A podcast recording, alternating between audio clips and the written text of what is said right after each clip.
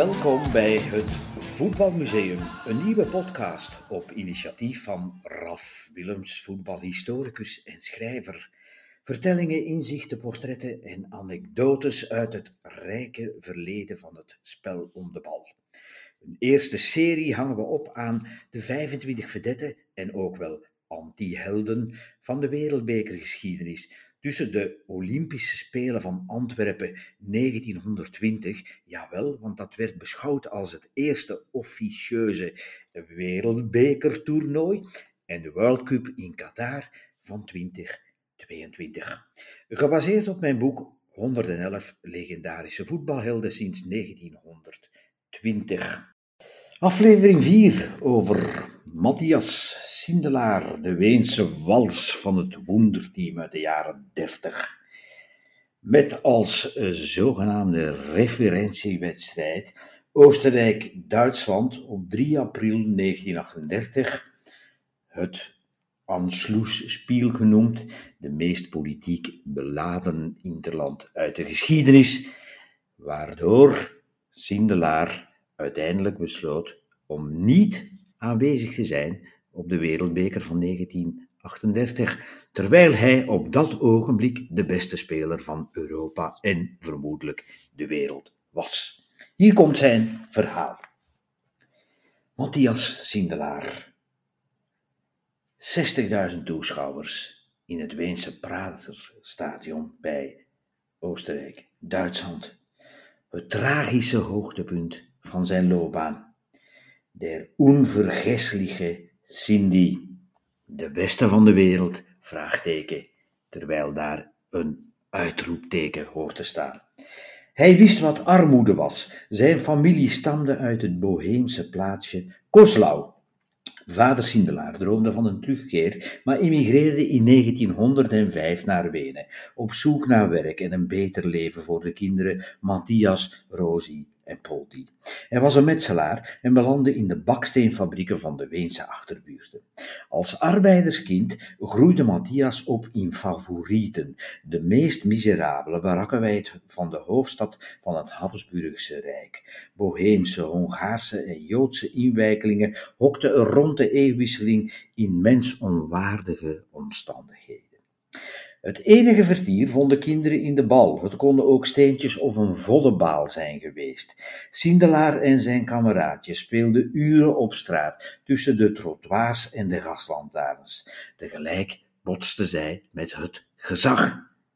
Ze leerden snel dat tussen wet en orde en rechten voor de havelozen een diepe kloof gaapte. In zijn boek Der gesamte Fußball zu Geschichtes eines subversiven Sports betoogt de Duitse auteur Dietrich Schulze Marmeling hoe, ik open de aanhalingstekens, de Weense voetballende straatjeugd voortdurend op de vlucht moest voor politie, parkwachters en huismeesters. Ze kweekten een natuurlijke afkeer voor de autoriteiten. Deze ervaringen droegen ze mee in hun spelpraktijk. De Weense voetbalschool steunde op anti-autoritaire opvattingen. Einde citaat. Sindelaars vader sneuvelde als soldaat van het Oostenrijk-Hongaarse leger tijdens de Eerste Wereldoorlog in 1917 aan het Isonzo-front op de Italiaans-Sloveense grens. Op zijn veertiende werd de schrale puber plots man, met, met verantwoordelijkheid voor zijn moeder en twee jongere zusters. Hij dook met grote tegenzin de fabriek in en begon tegelijk te voetballen. Over hem deden snel de geruchten de ronde. Een uitzonderlijk talent, geboren voor het voetbal. In 1924 greep hij zijn kans, de overstap naar amateure Austria in de grote stad Wenen. De man van papier, zo genoemd vanwege zijn spichtig uiterlijk, zijn ongrijpbaarheid, zijn bravoure, zijn lichtvoetige en confrontatie ontwijkende dans. Hij keerde zich af van geweld en kracht. Hij genoot van het geniale en van het eigen genie, een technisch wonder, een Einzelganger, maar tegelijk de man die zijn medespelers volledig kon vrijspelen. Hij werd der Künstler auf dem grünen Rasen genoemd, de kunstenaar op het groene voetbalveld. De perfecte balans tussen constructie en gevoel, de kunst van de aanval, de 1-2 combinatie, de uiterste perfectie van de uitvoerder, het onverwachte orgelpunt. Zijn briljante bewegingen en lichaamsbeheersing vielen dermate in de smaak dat ze door schrijvers werden vergeleken met kunst of met het schaakspel. Hij koos uit principe niet de kortste weg naar het doel, maar bedacht altijd een dribbel of een schijnbeweging die de doelman uit zijn tent lokte en op het verkeerde been zette. 27 treffers in 44 interlands en 600 doelpunten voor Austria in 700 duels of daaromtrent. En toch schoonheid boven resultaat. Onder Sindelaar werd voetbal een onderdeel van het Weense geestesleven. En ook op commercieel gebied zette hij trends neer. Engelse kranten schatten zijn marktwaarde op zijn hoogtepunt, hoogtepunt liever in 1932 op 40.000 pond in. Manchester United deed een bod, maar Motsel, zo genoemd, bleef verknocht aan het ouderlijke huis met een mooie tuin in favorieten.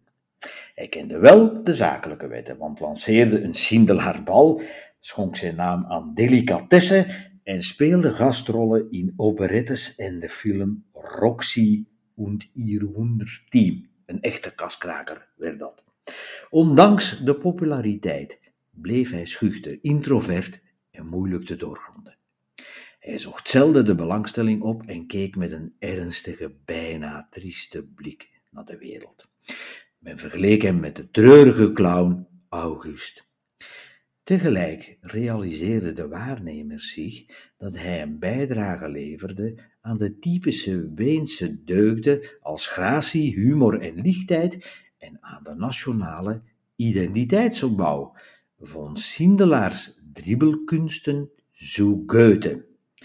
Hij stelde met zijn eenmansactie de wansmaak aan de kaak. Het was een radeloze schreeuw in het duister van een gecultiveerd individu tegen het meest wanstaltige systeem. Hij voorvoelde dat zijn kunstzinnige Weense voetbalschool zou opgeslorpt worden door een domme Duitse gedraaf. Hij besefte ook dat de oprukkende nazi-laarzen met geweld de sociale verworvenheden van Wenen zouden verbrijzelen. De nationaal-socialistische putsch van 1938 ruïneerde zijn loopbaan. Het Weense profvoetbal werd in de ban geslagen en voor hem kwam er aanvankelijk niets in de plaats. Hij beschimpte de sliependragers van het Derde Rijk en haalde hun sinistere geboden door de mangel. Hij verborg zijn vele vriendschappen met Joden niet en hield ze ook na de Duitse invasie koppig in stand. De nazi's uh, vaardigden absurde bevelen uit. De spelers van Austria-Wien mochten geen relaties meer onderhouden met de Joodse bestuursleden van de club. Hij negeerde de rigoureuze richtlijn en hekelde de, de nationaal-socialistische scherpslijperijen in het openbaar. De anekdote doet eronder dat hij zeer demonstratief op straat naar zijn voormalige voorzitter, dokter Schwarz, riep, open de aanhalingstekens, de nieuwe clubvuurder heeft verboden om u te begroeten, maar ik zal u altijd de hand schudden, meneer de president. Sluit de aanhalingstekens. De politieke omwenteling van 1938 was levensbedreigend voor Austria. Ze telde veel Joodse spelers en bestuursleden en haar creatieve spelstijl vloekte met de Duitse viriliteit. De nazi's noemden Austria der Judenverein en plaatsten de club in quarantaine. De meeste Oostenrijkers begroeten met de nodige hysterie de Duitse inval.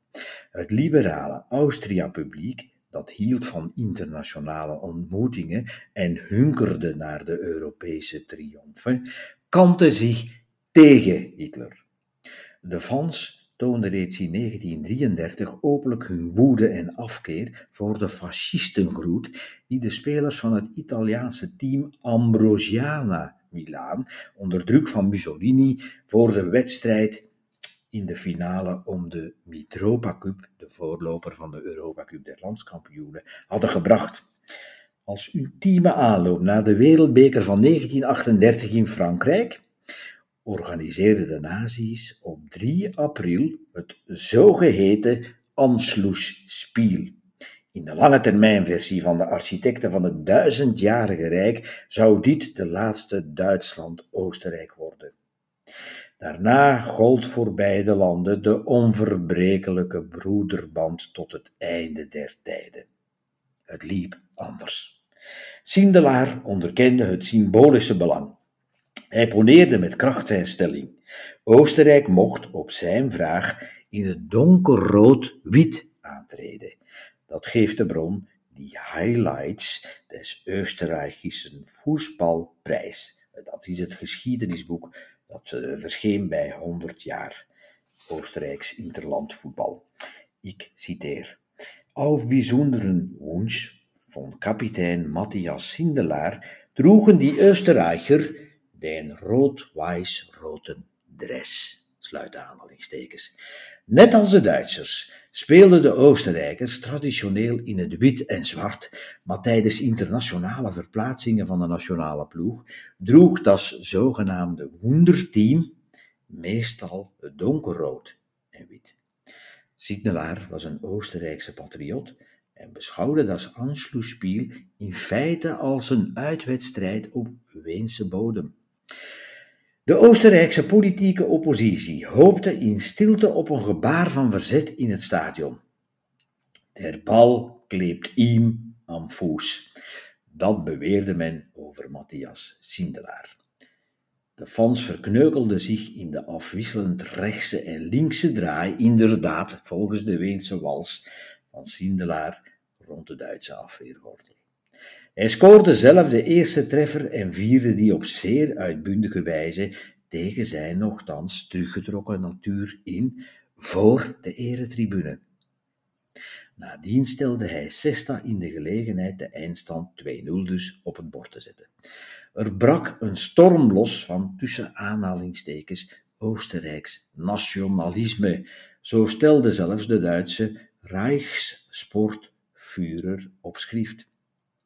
Na afloop kondigde de man van papier laconiek zijn afscheid van het internationale podium aan. Hij weigerde immers aan te treden met het groot-Duitse elftal op de Wereldbeker van 38. En hij veinsde daarvoor een knieblessure en stelde de Weense persoonlijkheid boven de Germaanse krachtpatserij. Op 23 januari 1939 overleed Matthias Sindelaar zeer onverwacht in nooit opgehelderde omstandigheden in het gezelschap van zijn Italiaanse vriendin Camilla Castagnola. Na zijn dood sloegen de getrouwen van het Derde Rijk terug met filijne pesterijen tegen de familie. Ze verboden de jaarlijkse herdenking door vrienden aan zijn graf en hielden niet op om zijn moeder Maria en zussen Rosie en Poldi vijandig te behandelen opende aanhalingstekens, een citaat. Daher Sindelaar als judenfreundlich bekend waar, werden seine Angehörigen wel niet veel anders eingesteld zijn. Einde citaat. In 1942 pleegde Rosie als gevolg van die nazi-pesterijen zelfmoord. De geruchten zoomden ook lang rond het verscheiden van Matthias. Zijn vriend en bewonderaar Friedrich Thorberg, een van de grootste satirische schrijvers en critici in het Joodse Wenen, kon zijn verdriet niet de baas. In zijn columns polemiseerde hij over het wonderlijke Weense voetbal waarin hij, opende aanhalingstekens, de beste Joodse en Tsjechische elementen zag uh, zich met de uh, proletarische voorstads- en boheemse koffiehuiscultuur vermengen. Einde citaat. De antifascistische Torberg sloot het suïcidale element in het droefgeestige karakter van Matthias Sindelaar niet uit. Hij en zijn vriendin werden naakt gevonden, de fles liqueur bij de hand. Was hier sprake van een liefdesdrama, sliepen zij samen in, Cindy had zijn hele leven geflirt. Een diepgaande relatie met een vrouw kwam zelden tot stand. Hij verzonk in een diepe psychologische crisis. De maatschappelijke gebeurtenissen en de persoonlijke wrijvingen hadden hem ontredderd. Hij snapte dat de levenswier van zijn geliefde Wenen en Austria definitief tot het verleden behoorde. Voelde de grondlegger van de Weense, Weense esthetisch, elegant, bevrijdend, verheven, het op zijn klompen aan. Na de nazi's was er niets meer. Friedrich Thorberg zette de betekenis van de dode voetballer neer in een ontroerend afscheidsgedicht, dat aansluitend bij de Weense en Sindelaars levensfilosofie, de humor met het lijden, de ironie met het fatalisme verbond. Voor hij politiek asiel zocht in Frankrijk, dichtte Thorberg het authentieke grafschrift. Auf den Tod eines Fußballspielers, met onder meer het veelzeggende vers. Ik citeer Thorberg. Er spielte Fußball wie kein Zweiter. Er stak vol Witz und Fantasie. Er spielte lässig, leicht und heiter. Er spielte steeds. Er kämpfte nie. Einde citaat. Matthias Sindelaar, de man die ontbrak op de wereldbeker in Frankrijk van 1938, de beste speler van zijn tijd. Hij werd geboren op 10 februari 1903 en overleed op 23 januari 1939. Kampioen met Austria-Wenen één keer, bekerwinnaar vijf keer, Mitropa Cup twee keer. Dat was de voorloper dus van de Europa Cup der landskampioenen, later ook de Champions League. Interlands 44 met Oostenrijk, winnaar van de Centraal-Europa Cup. Het eerste, nee, de voorloper van het Europees kampioenschap der landenteams in 32, halve finalist van het WK in 1934. Dit was aflevering 4.